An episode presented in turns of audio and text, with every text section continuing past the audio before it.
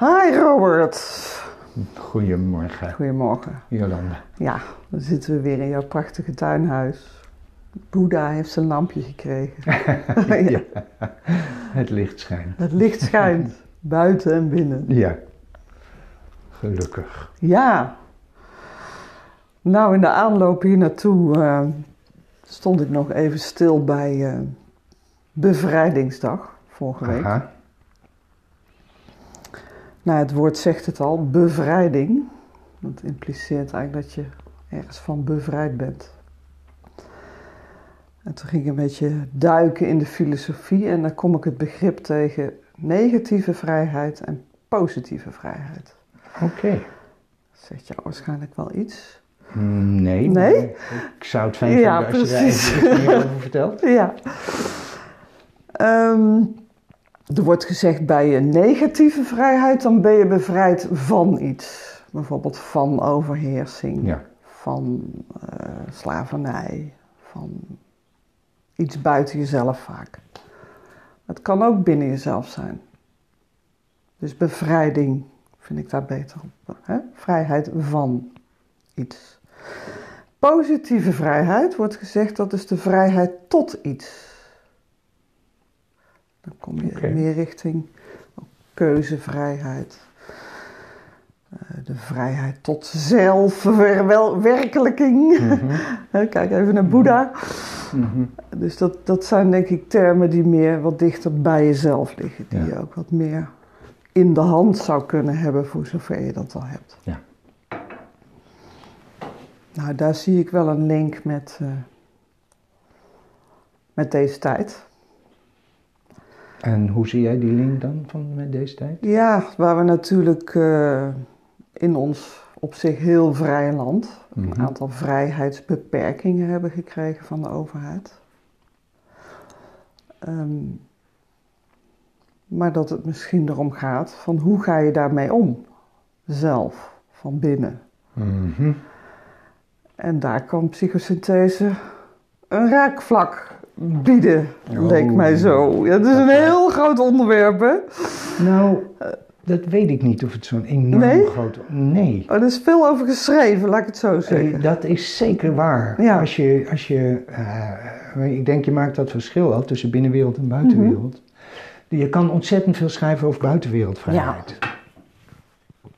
Daar is heel veel over te zeggen, want Ja. wat is dan vrijheid? Wanneer ervaren mensen vrijheid? Hoe zit dat met vrijheid? Kun je algemene dingen zeggen over vrijheid? Maar als het gaat over innerlijke vrijheid, dan wordt het ineens een ander verhaal.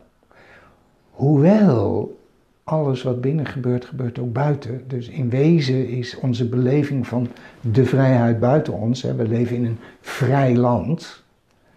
Eh, Hoe relateert zich dat, hoe verhoudt zich dat tot een innerlijk gevoel van vrijheid? Een, een, een heel grappig iets wat ik laatst een keer las ergens. Ik weet niet echt, god niet meer waar vandaan, maar dat vond ik wel heel grappig. Zo van ja, eh, beperkte vrijheid. We mogen nu rijden, eh, op de snelweg mogen we nu maar 100 km per uur. Dus onze vrijheid om te rijden zo hard we willen wordt beperkt. Dus onze vrijheid ligt nu op 100 km per uur.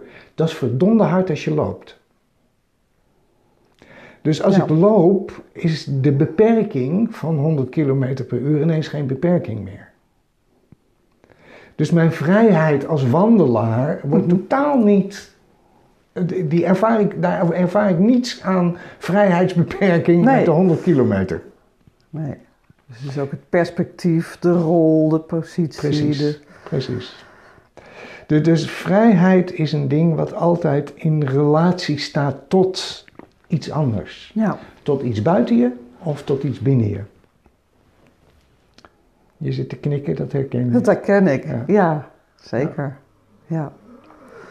ja, ik zat ook nog te denken, en je hebt natuurlijk hè, ik, hè, het Mhm, ik. mhm, ik. Ik mhm. wil zo hard rijden als ik wil, Ja. want het is lekker. En natuurlijk de samenleving. Ja. Hè, waar Ja. we, dus het is altijd een soort strijd ook tussen hè, de, de, de ik-vrijheid en de, nou ja, de, de normen en waarden van de maatschappij waar je, en de regels Ja. waar je woont. Dus in Je- die zin heeft buiten toch wel degelijk ook invloed op binnen. Onmiddellijk. Hè? Onmiddellijk. Ehm, denk even aan deze tijd, de coronamaatregelen. Eh, we hebben allemaal te maken met eh, een, een intelligente lockdown.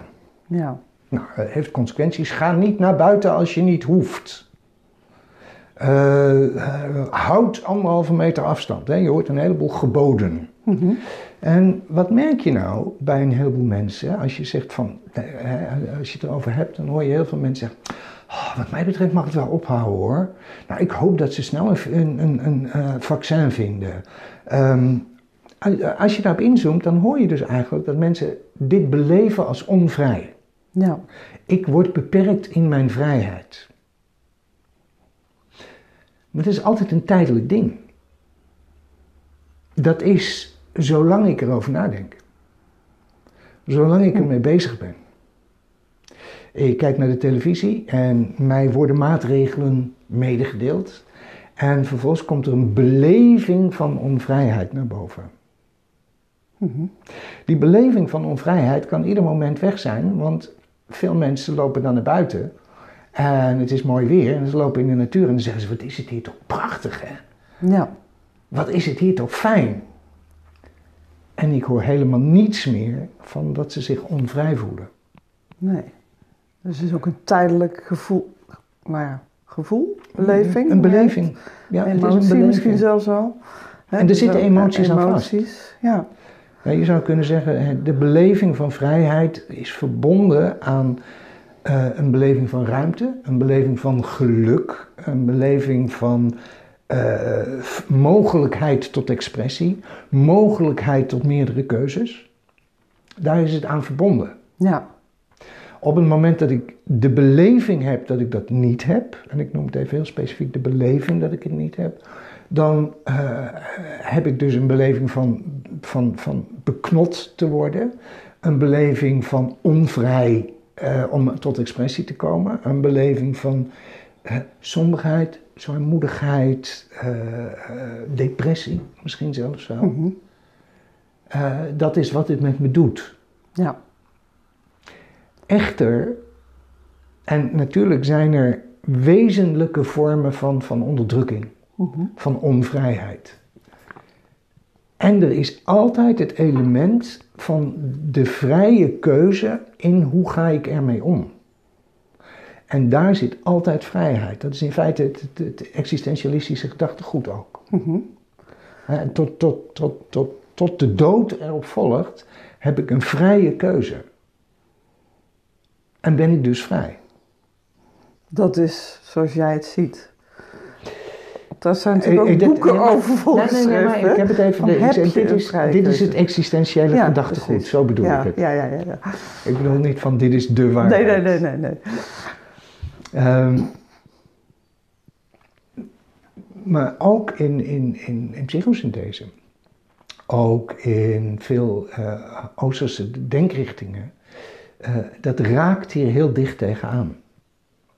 Hè, eh, dat, dat in wezen vrijheid een, een, een, een ding is waar we zelf heel veel mee kunnen. Het is altijd in relatie tot een ander gedachtegoed, tot een andere overtuiging, tot een andere eh, levenswijze. Ik heb iets tegenover me nodig om te kunnen zeggen: ben ik vrij of ben ik niet vrij? Ja, dus mensen ervaren dit misschien nu ook meer, omdat hè, wij heel weinig beperkingen hadden voor Ja. je gevoel. Ja. Hè? Ja. Zeker als je het afzet tegen landen, dan krijg je die teksten. Ja, ja. Hoe elk land omgaat met zijn coronabepalingen en maatregelen. Nou, wij worden op ons intellect aangesproken. En jij begint over gevoel. En dus, dus daar zit misschien ook een discrepantie. Ik denk dat daar zeker een discrepantie zit. Ehm, als, als wij kijken met onze concepten over wat vrijheid en bevrijd zijn betekent, eh, vanuit onze westerse perspectief en we kijken naar China, dan is onze beleving van China een, een, voor veel mensen een, een, een samenleving met veel beperkingen, dus veel onvrijheid. Interessant genoeg als je met veel Chinezen spreekt, en niet met alle, maar met veel Chinezen spreekt, die ervaren dat niet zo. Die ervaren nog steeds binnen hun uh, samenleving een enorme vrijheid. Maar vaak wordt dat afgezet tegen de periode van de culturele revolutie, bijvoorbeeld in China. Dus ze hebben nu heel veel vrijheid in vergelijking daarmee. Maar in vergelijking met hoe wij kijken naar vrijheid, zeggen we ja, maar doordat dat toch uh, in wezen een dictatuur is. En door de staat bepaalt hoe jij, wat jij wel en niet mag. Mm noemen wij dat dus vaak onvrij. Ja. Dat wil niet zeggen dat de gemiddelde Chinees zich minder vrij zou voelen dan. Hè? Want dat herken ik ook wel uit mijn reizen. Ja. Waar natuurlijk een hele andere omgeving komt. Hè? Ja, sowieso het individu versus het wij. Hè? Ja, ja, ja. dat is een heel groot verschil. Ja. Wat misschien uh, bij ons weer wat doorgeslagen is. Ja. Hè? ja, als je de mensen spreekt, dan hebben ze eigenlijk over de hele wereld kom ik dan dezelfde dromen en, en idealen en gevoelens tegen, ook ten aanzien van vrijheid. Ja. Ja. En, en ook ogen die wijd open gaan als ik bijvoorbeeld zeg dat ik bewust geen kinderen heb. Van, nou ja, dat is toch de grootste recht, vrijheid, goed eh, van een vrouw. Ja. En jij hebt dat met een pilletje of wat op een andere manier niet willen hebben. Dus, dus, dus daar kun je dan een gesprek over aangaan. Ja. En, en nu gaan we even een stapje psychosynthese in, denk mhm. ik. Je kan je afvragen welke dwangmatige gedachten, overtuigingen, ervaringen hebben ervoor gezorgd dat jij het niet hebben van kinderen ervaart als een vrijheid. Mhm. Met andere woorden, heel veel dingen die wij ervaren als een vrije keuze, hè, daar heb ik zelf voor gekozen, wordt heel vaak ingefluisterd door ervaringen die we zelf gehad hebben in ons verleden. En dan kan je je dus echt serieus afvragen, hoe vrij ben ik dan eigenlijk geweest? Ja. Als ik mij onbewust heb laten leiden door ervaringen, door overtuigingen, door maatschappelijke mm plaatjes. Ja. Uh, hoe vrij ben ik dan? Dat, dan, nu, nu wordt die ingewikkelder. Mhm. Nu wordt het ingewikkelder om te zeggen van ja, wat is vrijheid dan? Ja. Is, is vrijheid uh, werkelijk de vrijheid om te kiezen? Of is vrijheid het goede gevoel wat ik heb bij de keuzes die ik maak? En bij die laatste wordt het, komt de vraag, ja, maar waar kwam die keuze dan vandaan? Wat heeft die keuze bepaald? Maar is dat belangrijk, vind je, ook in de psychosynthese? Het is voor de psychosynthese heel belangrijk. Zoeken? Ja, omdat, um, um, hoe zou ik dat zeggen? Al mijn overtuigingen over de wereld zitten hier aan vast. Dus hoe ik naar de wereld kijk, hoe ik naar andere mensen kijk, uh, alle positieve labels en negatieve labels die ik op mensen plak. Um, ik vind van alles. Maar waar komt dat vandaan? En dat is van belang. Want anders disqualificeer ik mensen. En dat gebeurt natuurlijk aan de lopende band. Mhm. En ja, uh, slimme mensen die hebben dat vaak wel in de gaten van andere mensen. Ja, zeggen dan, dat is ook een beetje dom. Zoals ze daarover denken. Hè? En, en, kunnen makkelijk een oordeel vellen. Hè? Als je, uh, nou, noem maar iets, je bent een, een P van de A, je, je stemt P van de A dan heb je ontzettend veel oordelen over wat mensen die, die, die, niet allemaal hoor, maar dan zou je veel oordelen kunnen hebben, bedoel ik, over mensen die op uh, Forum voor Democratie stemmen. Mhm.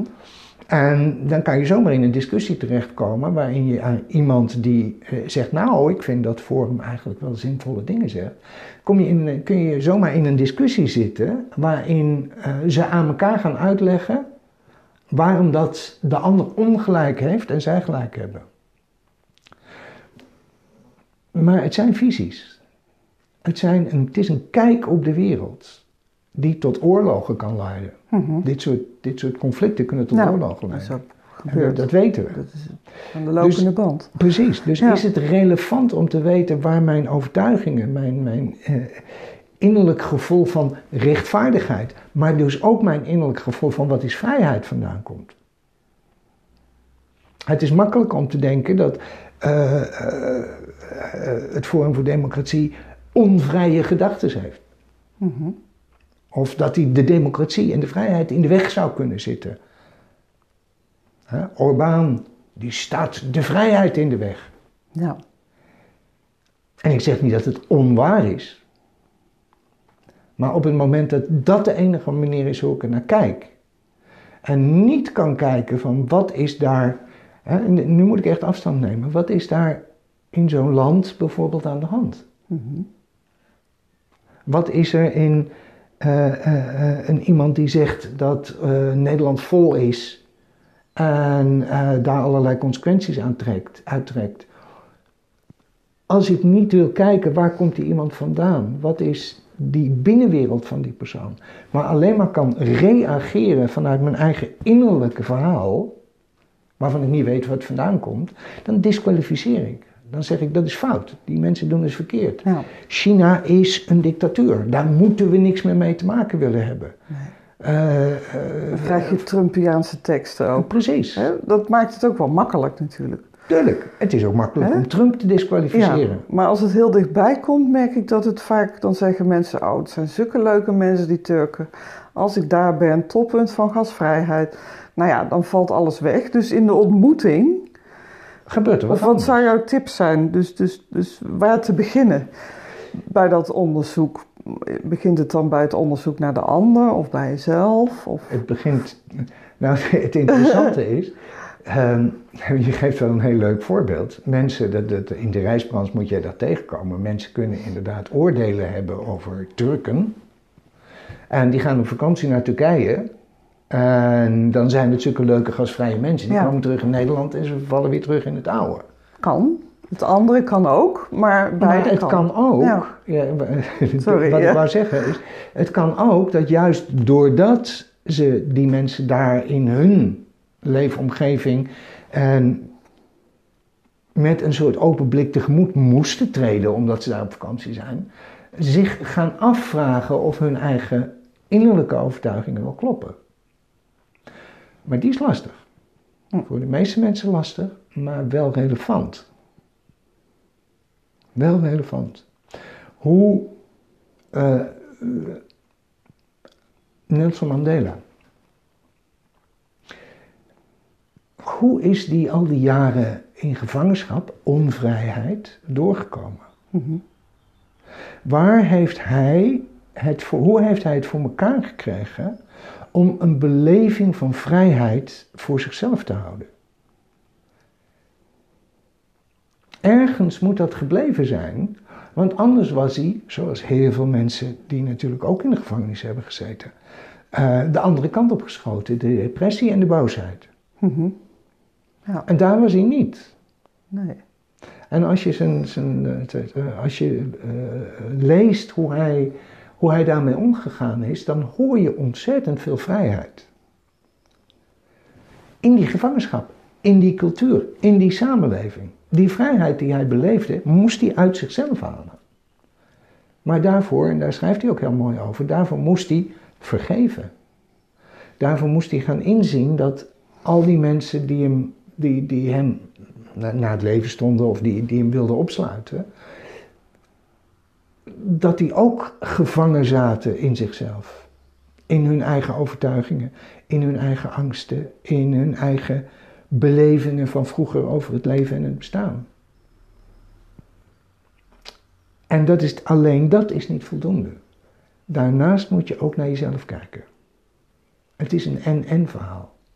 Maar als ik milder naar mezelf kan worden en erachter kan komen, wacht even, mijn vooroordelen, mijn overtuigingen, eh, die bepalen of ik mij vrij voel, ja of nee. En nou ga ik eens kijken naar mijn vooroordelen en naar mijn overtuigingen. Dan langzaam maar zeker kom ik erachter. En daarvoor moet ik een soort mildheid naar mezelf hebben, want ik kan het niet met wortel en tak uitroeien. Ik kan het er niet uitsnijden. Nee. Ik zal, nou, ik zal acceptatie moeten toepassen van, oké, wacht even, dit is waar ik vandaan kom. Hè? Wie was je vader, wie was je moeder? Uh, wat is jouw achtergrond? Wat heb je meegemaakt in je jeugd? Ben je gepest? Ben je niet gepest? Hoe, wat betekende dat? Ben je een jongen? Ben je een meisje? Wat betekent dat? Hoe heeft dat doorgewerkt in je? Al die dingen. Ben ik als man, hè, is wel grappig, ik heb het nou over man en vrouw. Dus maar bijvoorbeeld iets heel simpels. Het feit dat, dat ik een man ben, levert onvrijheden op. Ik sta er niet zo bij stil want ik focus mij op de vrijheid van het man zijn. Maar daar zit een beperking aan. En iedere transseksueel, uh, iedere gevoelige man, iedere homoseksuele man, zal jou kunnen vertellen waar die onvrijheden zitten. Want daar hebben ze mee geworsteld. Mhm. Ik moest niet alleen man zijn, ik moest ook nog eens een heteroseksuele man zijn. En die dingen lagen aan elkaar geplakt. Ik wist niet dat daar een verschil was. Nee. Dus ik moest dat onderzoeken in mezelf. Maar tot die tijd wees ik mezelf af. En daar zat dus een enorme onvrijheid. Dus voelde ik mij in mijn jeugd vrij om te zijn wie ik was? Nee, ik was eerder somber, bang, uh, durfde niet naar buiten te treden. Het heeft mij in mijn leven als kind, in mijn jeugd en in mijn puberteit ontzettend beperkt in mijn gevoel van vrijheid. Dat is een stukje uit mijn eigen ervaring. En in mijn praktijk met cliënten kom ik deze ook heel vaak tegen. Hoe dat geschiedenis bepaalt in hoeverre jij je vrij voelt in deze wereld. En dat even los van dat het nog steeds maar weer buiten kan ja, zijn. Precies. En dat ik me nog steeds onvrij Ja, kan voelen. hè, en dat, dat je hier niet in het prikkeldraad zit of eh, wat Precies. dan ook. Ja, Precies. ja. En, en als ik dat vertaal van, van de belofte van psychosynthese. eh, ik heb gevoelens, maar ben ze niet. Ik heb gedachten, overtuigingen, maar ben ze niet. Ik heb een lichaam met alles wat dat met zich mee te maken heeft. Maar ik ben het niet. Ik ben een punt van puur bewustzijn en wil. En dat, dat riedeltje, wat in feite een hele Mhm. diepe meditatieve oefening is, brengt me bij mijn diepste essentie. En daar zit een heel nieuw soort vrijheid. Daar, als ik disidentificeer van het verhaal van vroeger, van eh, hoe mijn jeugd is geweest, hoe mijn puberteit is geweest, eh, de consequenties die dat heeft voor mijn man zijn, voor mijn seksualiteit, voor noem maar op. Op het moment dat ik vanuit die plek kan kijken, wordt mijn kijk naar mijzelf wordt anders. Veel meer compassie, veel meer mededogen. Mijn kijk naar de ander wordt ook anders. Want die zijn ook een product van een samenleving, van een opvoeding, van hun innerlijke overtuigingen waarmee ze dat steeds in stand blijven houden. En dan wordt het een ander verhaal. Dan, wordt een, dan krijg je een andere ontmoeting. Herken je deze? ja, zeker. Daarom knikte ik ook. Ja. Bij mij kwam het wat later op gang, althans via de psychosynthese. Eh, Dat was echt een eye-opener voor mij. Hm. Want je begon met zo, zo, zo buiten, zo binnen. Hè? Dat, dat is natuurlijk een gevleugelde of bekende kreet. Ik zocht het altijd buiten, de Mhm. vrijheid. En, en die binnenwereld was voor mij niet zo bekend. En ik weet echt nog goed de allereerste les. Hoe we een voorwerp meebrachten. En Ja. en, en de beleving van iedereen ten aanzien van dat voorwerp en het gevoel en de verhalen en nou, je, ziet, eh, leeg of een vol kopje thee. Nou ja, goed, je weet het allemaal wel, maar Ja. om het zo te horen van mensen met hun verhaal erachter en nou, dat vond ik echt, eh, ik, nou, dat vond ik een, een super eye-opener. Ja. En dan dacht ik toch dat ik veel gezien had in de wereld. Maar die binnenwereld, is, dat heeft me ook geholpen. Want daardoor heb ik een vrij brede blik. Maar de, de wereld van mijzelf, ja, dat was iets vanzelfsprekend. Je, je trekt ook je vrienden aan die daarbij hoort, tenminste in mijn geval. Dus Nou, je leeft in bijna bijna iedereen. Nee, je hebt je subcultuurtje. En nou ja, dan is die buiten en binnen, dat lijkt heel erg op elkaar.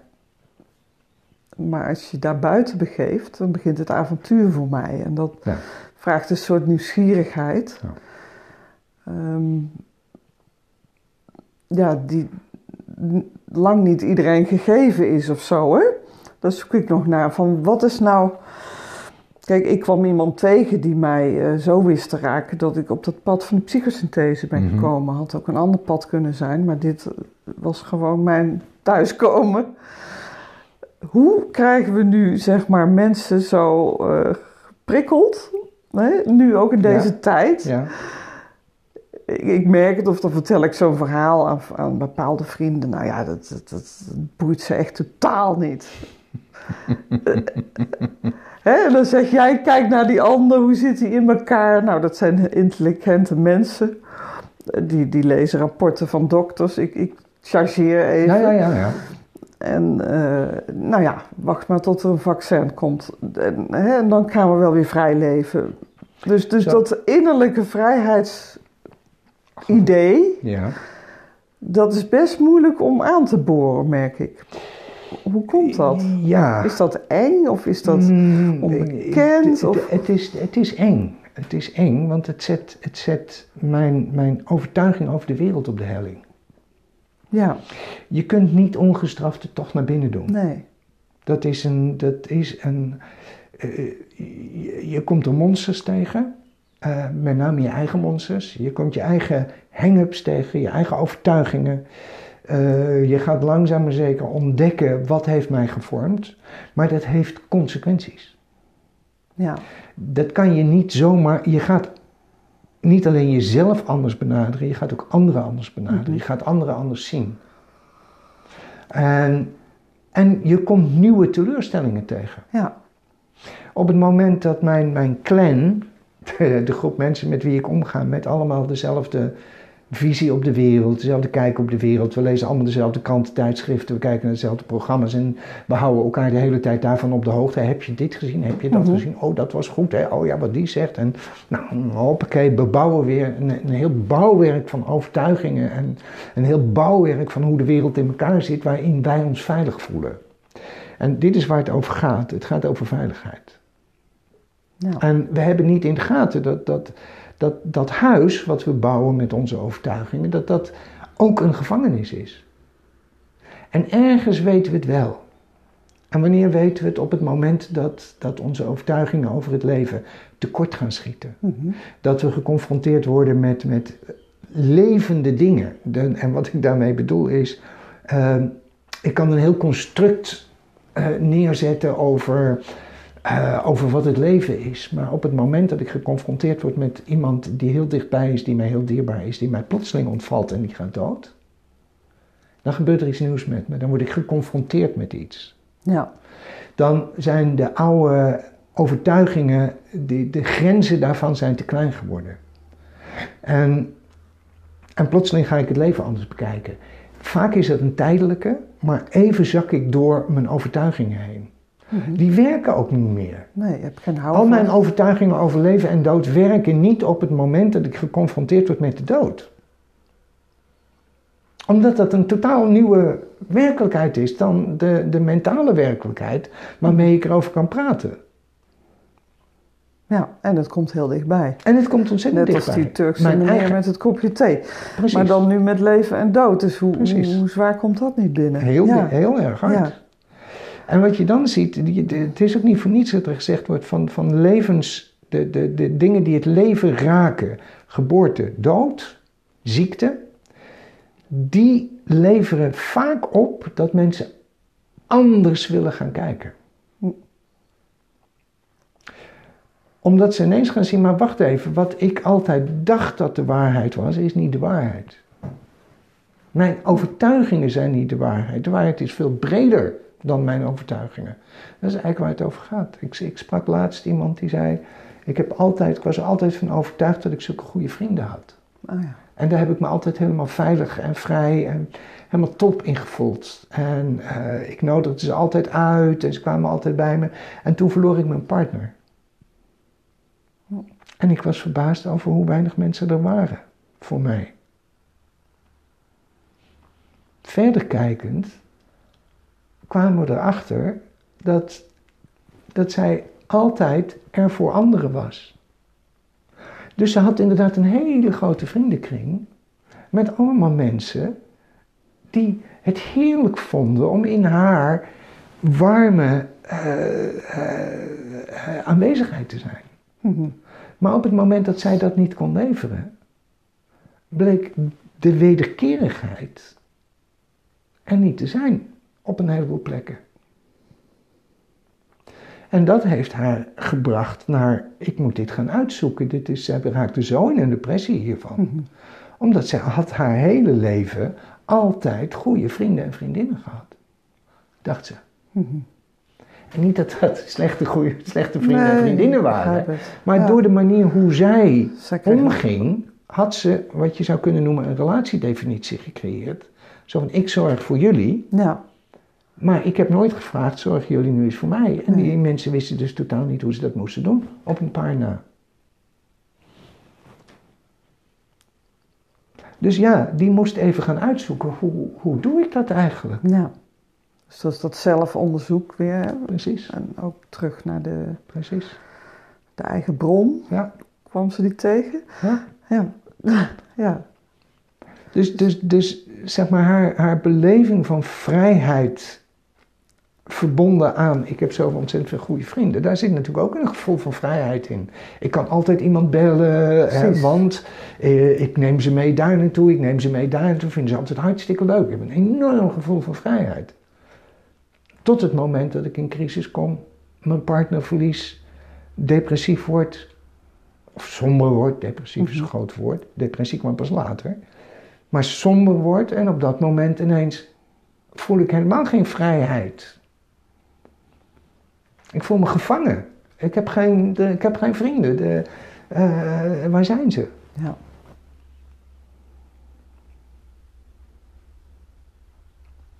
ja. En zij ging dus inderdaad, zij, zij is die weg nu gegaan van, van zelfonderzoek. En zij kwam uit bij meditatie via mm -hmm. disidentificatieoefening. Ja, snap ik, ja. Ja. Terwijl ze niet als Nelson Mandela in de gevangenis zat. Hè? Dus die, die, die negatieve vrijheid en die positieve vrijheid zijn wel verbonden, maar hoeft niet één op één. Er zijn natuurlijk genoeg voorbeelden van, wat je nu ook weer hoort over ja, kampverhalen, oorlogsverhalen. De een wel, de ander niet. Nou ja, Victor Frankl schrijft daar natuurlijk in, in de zin van het bestaande boekje, schrijft hij daar natuurlijk prachtig over. Uh, als, als, als hij zegt dat, dat de mensen die, die, die uh, zelfs in het kamp nog zin wisten te geven aan hun bestaan en zichzelf vrij voelden om hun voedsel te delen, om hun. Uh, want ook hier zit dus een beleving van een mhm. ervaring van ik voel me vrij genoeg om in deze situatie anderen te helpen. Je hebt vrijheid nodig om een ander te kunnen helpen. Mhm. Anders zit je gevangen in je eigen verhaal. En, en hij beschrijft, vind ik, zo prachtig hoe dat, dat de mensen die dat gedaan hebben uiteindelijk veel minder geschonden die oorlog uitkomen dan de mensen die, die het onvermogen hadden om, om nog te delen en gezamenlijkheid en een beleving van vrijheid te hebben. Die zich helemaal vastklampen aan de onvrijheid en helemaal vastklampen aan ik moet mijn eigen hartje redden. Ja. En, en natuurlijk, ik bedoel, het is niet iedereen gegeven. Hè? Ik, ik, zeg niet dat, dat. Ik heb het hier niet over goede en foute nee, mensen. Nee, dat zeg je juist niet. Nee. Maar het, het, het gaat erover van, van. Heb ik het vermogen? En het vermogen hebben we, denk ik, allemaal. Maar of we het ook allemaal weten dat we het vermogen hebben en het vermogen aanspreken, dat is een ander verhaal. Dat is een ander ding. Ja. Dus ook in deze tijd, hè? Ook in deze tijd. Zeker ook in deze tijd. Er gaan hier mensen kapot aan. Het is echt zo. Ja. Ik bedoel, al die, die, die hè, waar we dan nu over horen, die ruzies in gezinnen. Hè, het onvermogen om, om wat ontstaat doordat ze het gevoel hebben dat hun, hun leven beknot is. Dat, dat hè, eh, de, de 45 of 60 vierkante meter waarop ze leven in, in de grote steden, eh, dat dat als een soort gevangenis wordt. Ja, dan, dan, en, en ze gaan exploderen. Mhm. Naar hun kinderen, naar hun partners. Naar, Ja. En een enorme angst, denk je en niet? dat is de En een enorme woede. Het, het valt mij op dat dat allemaal nog redelijk... Ik lees misschien een verkeerde krant. Ja. Maar eh, dat, dat, dat dat nog redelijk achterblijft, zeg maar. Hè? De, de, de woede, de angst. de- Nou, Er was een klein demonstratietje in Den Haag vanuit eh, natuurlijk het on- van de ondernemers.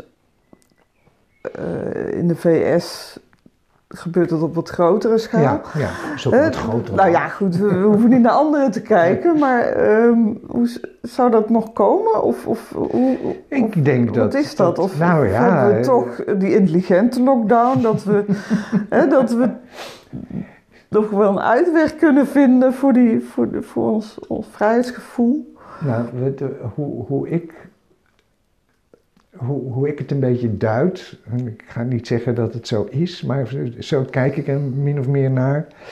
Wat er gebeurt is op het moment dat er gezegd wordt van er komt iets meer vrijheid. Mhm. En eh, dan krijgen we zo'n heel pakket van, van stappenplan, eh, we Mhm. dan te horen gekregen. En wat gebeurt er? Iedereen duikt een trein in richting, eh, richting Zandvoort en de zee. En als een soort explosie eh, lap, lap, lapt ineens een heel groot deel van Nederland de, de, de regels aan zijn laars. Zo, die gooien ze in één keer overboord. Ondanks dat er heel vaak gezegd is, maar er is niks veranderd. Ja. We doen dit heel rustig, stap voor stap, klein beetje, klein beetje. Maar dat doen mensen dus niet. Nee. Nou, je kan je afvragen, wat is dit? Wat is deze enorme explosie? En ik denk dan dat is ingehouden frustratie.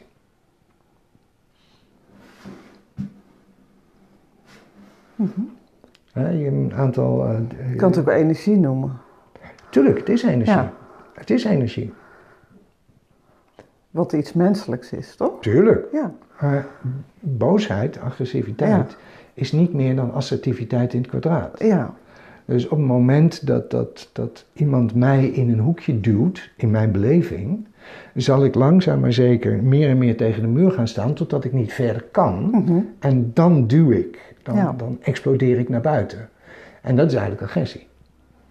Maar dat betekent dat er dus een, een, een, een, proces op gang is geweest waarin ik mijzelf meer en meer tegen die muur aangevoel gedrukt voel. Mhm. Hè, de, de, het openen van, van, van eh, het langzaam openen. En bepaalde groepen worden dus nu, die, ja, die moeten wachten. Die mogen nog niet. Nee. En wat gebeurt er? Die groepen worden boos. Ja. En die gaan zo ver dat ze zeggen, we gaan naar de rechter. Mhm. En dat, dat, dat vertelt dus iets over van hoe, hoe ze zich dus al voelen. En dat is logisch. Ik bedoel, als jij je winkeltje niet open kan doen... Ja. En, en het water staat aan je lippen en je hebt geen geld meer. Ik vind het volstrekt begrijpelijk. En het is wat het is. En daar zit mijn existentiële vrijheid. Ook in een crisis. Ja. Als je doortrekt naar die mevrouw, zeg maar, hè, is dit ook Ja. een crisis? Absoluut. Het was leven en dood, maar dit is ook leven en dood. Dit is ook mensen leven en in een dood. winkel, Ja, hè, ja. een kindje en Ja. noem maar op. Ja, hoe moet dit nu? Hoe moet dit nu verder? Ja, Ik heb geen perspectief. ja. Ja. Dus wat zou jouw tip zijn? Ja, niet dat het quick fix is, maar nee. where to start? Nee, er is geen quick, quick fix. Nee. Dit, dit, dit, zoals iedere crisis, wijst het naar onszelf. Een crisis wijst naar hoe gaan we met de dingen om.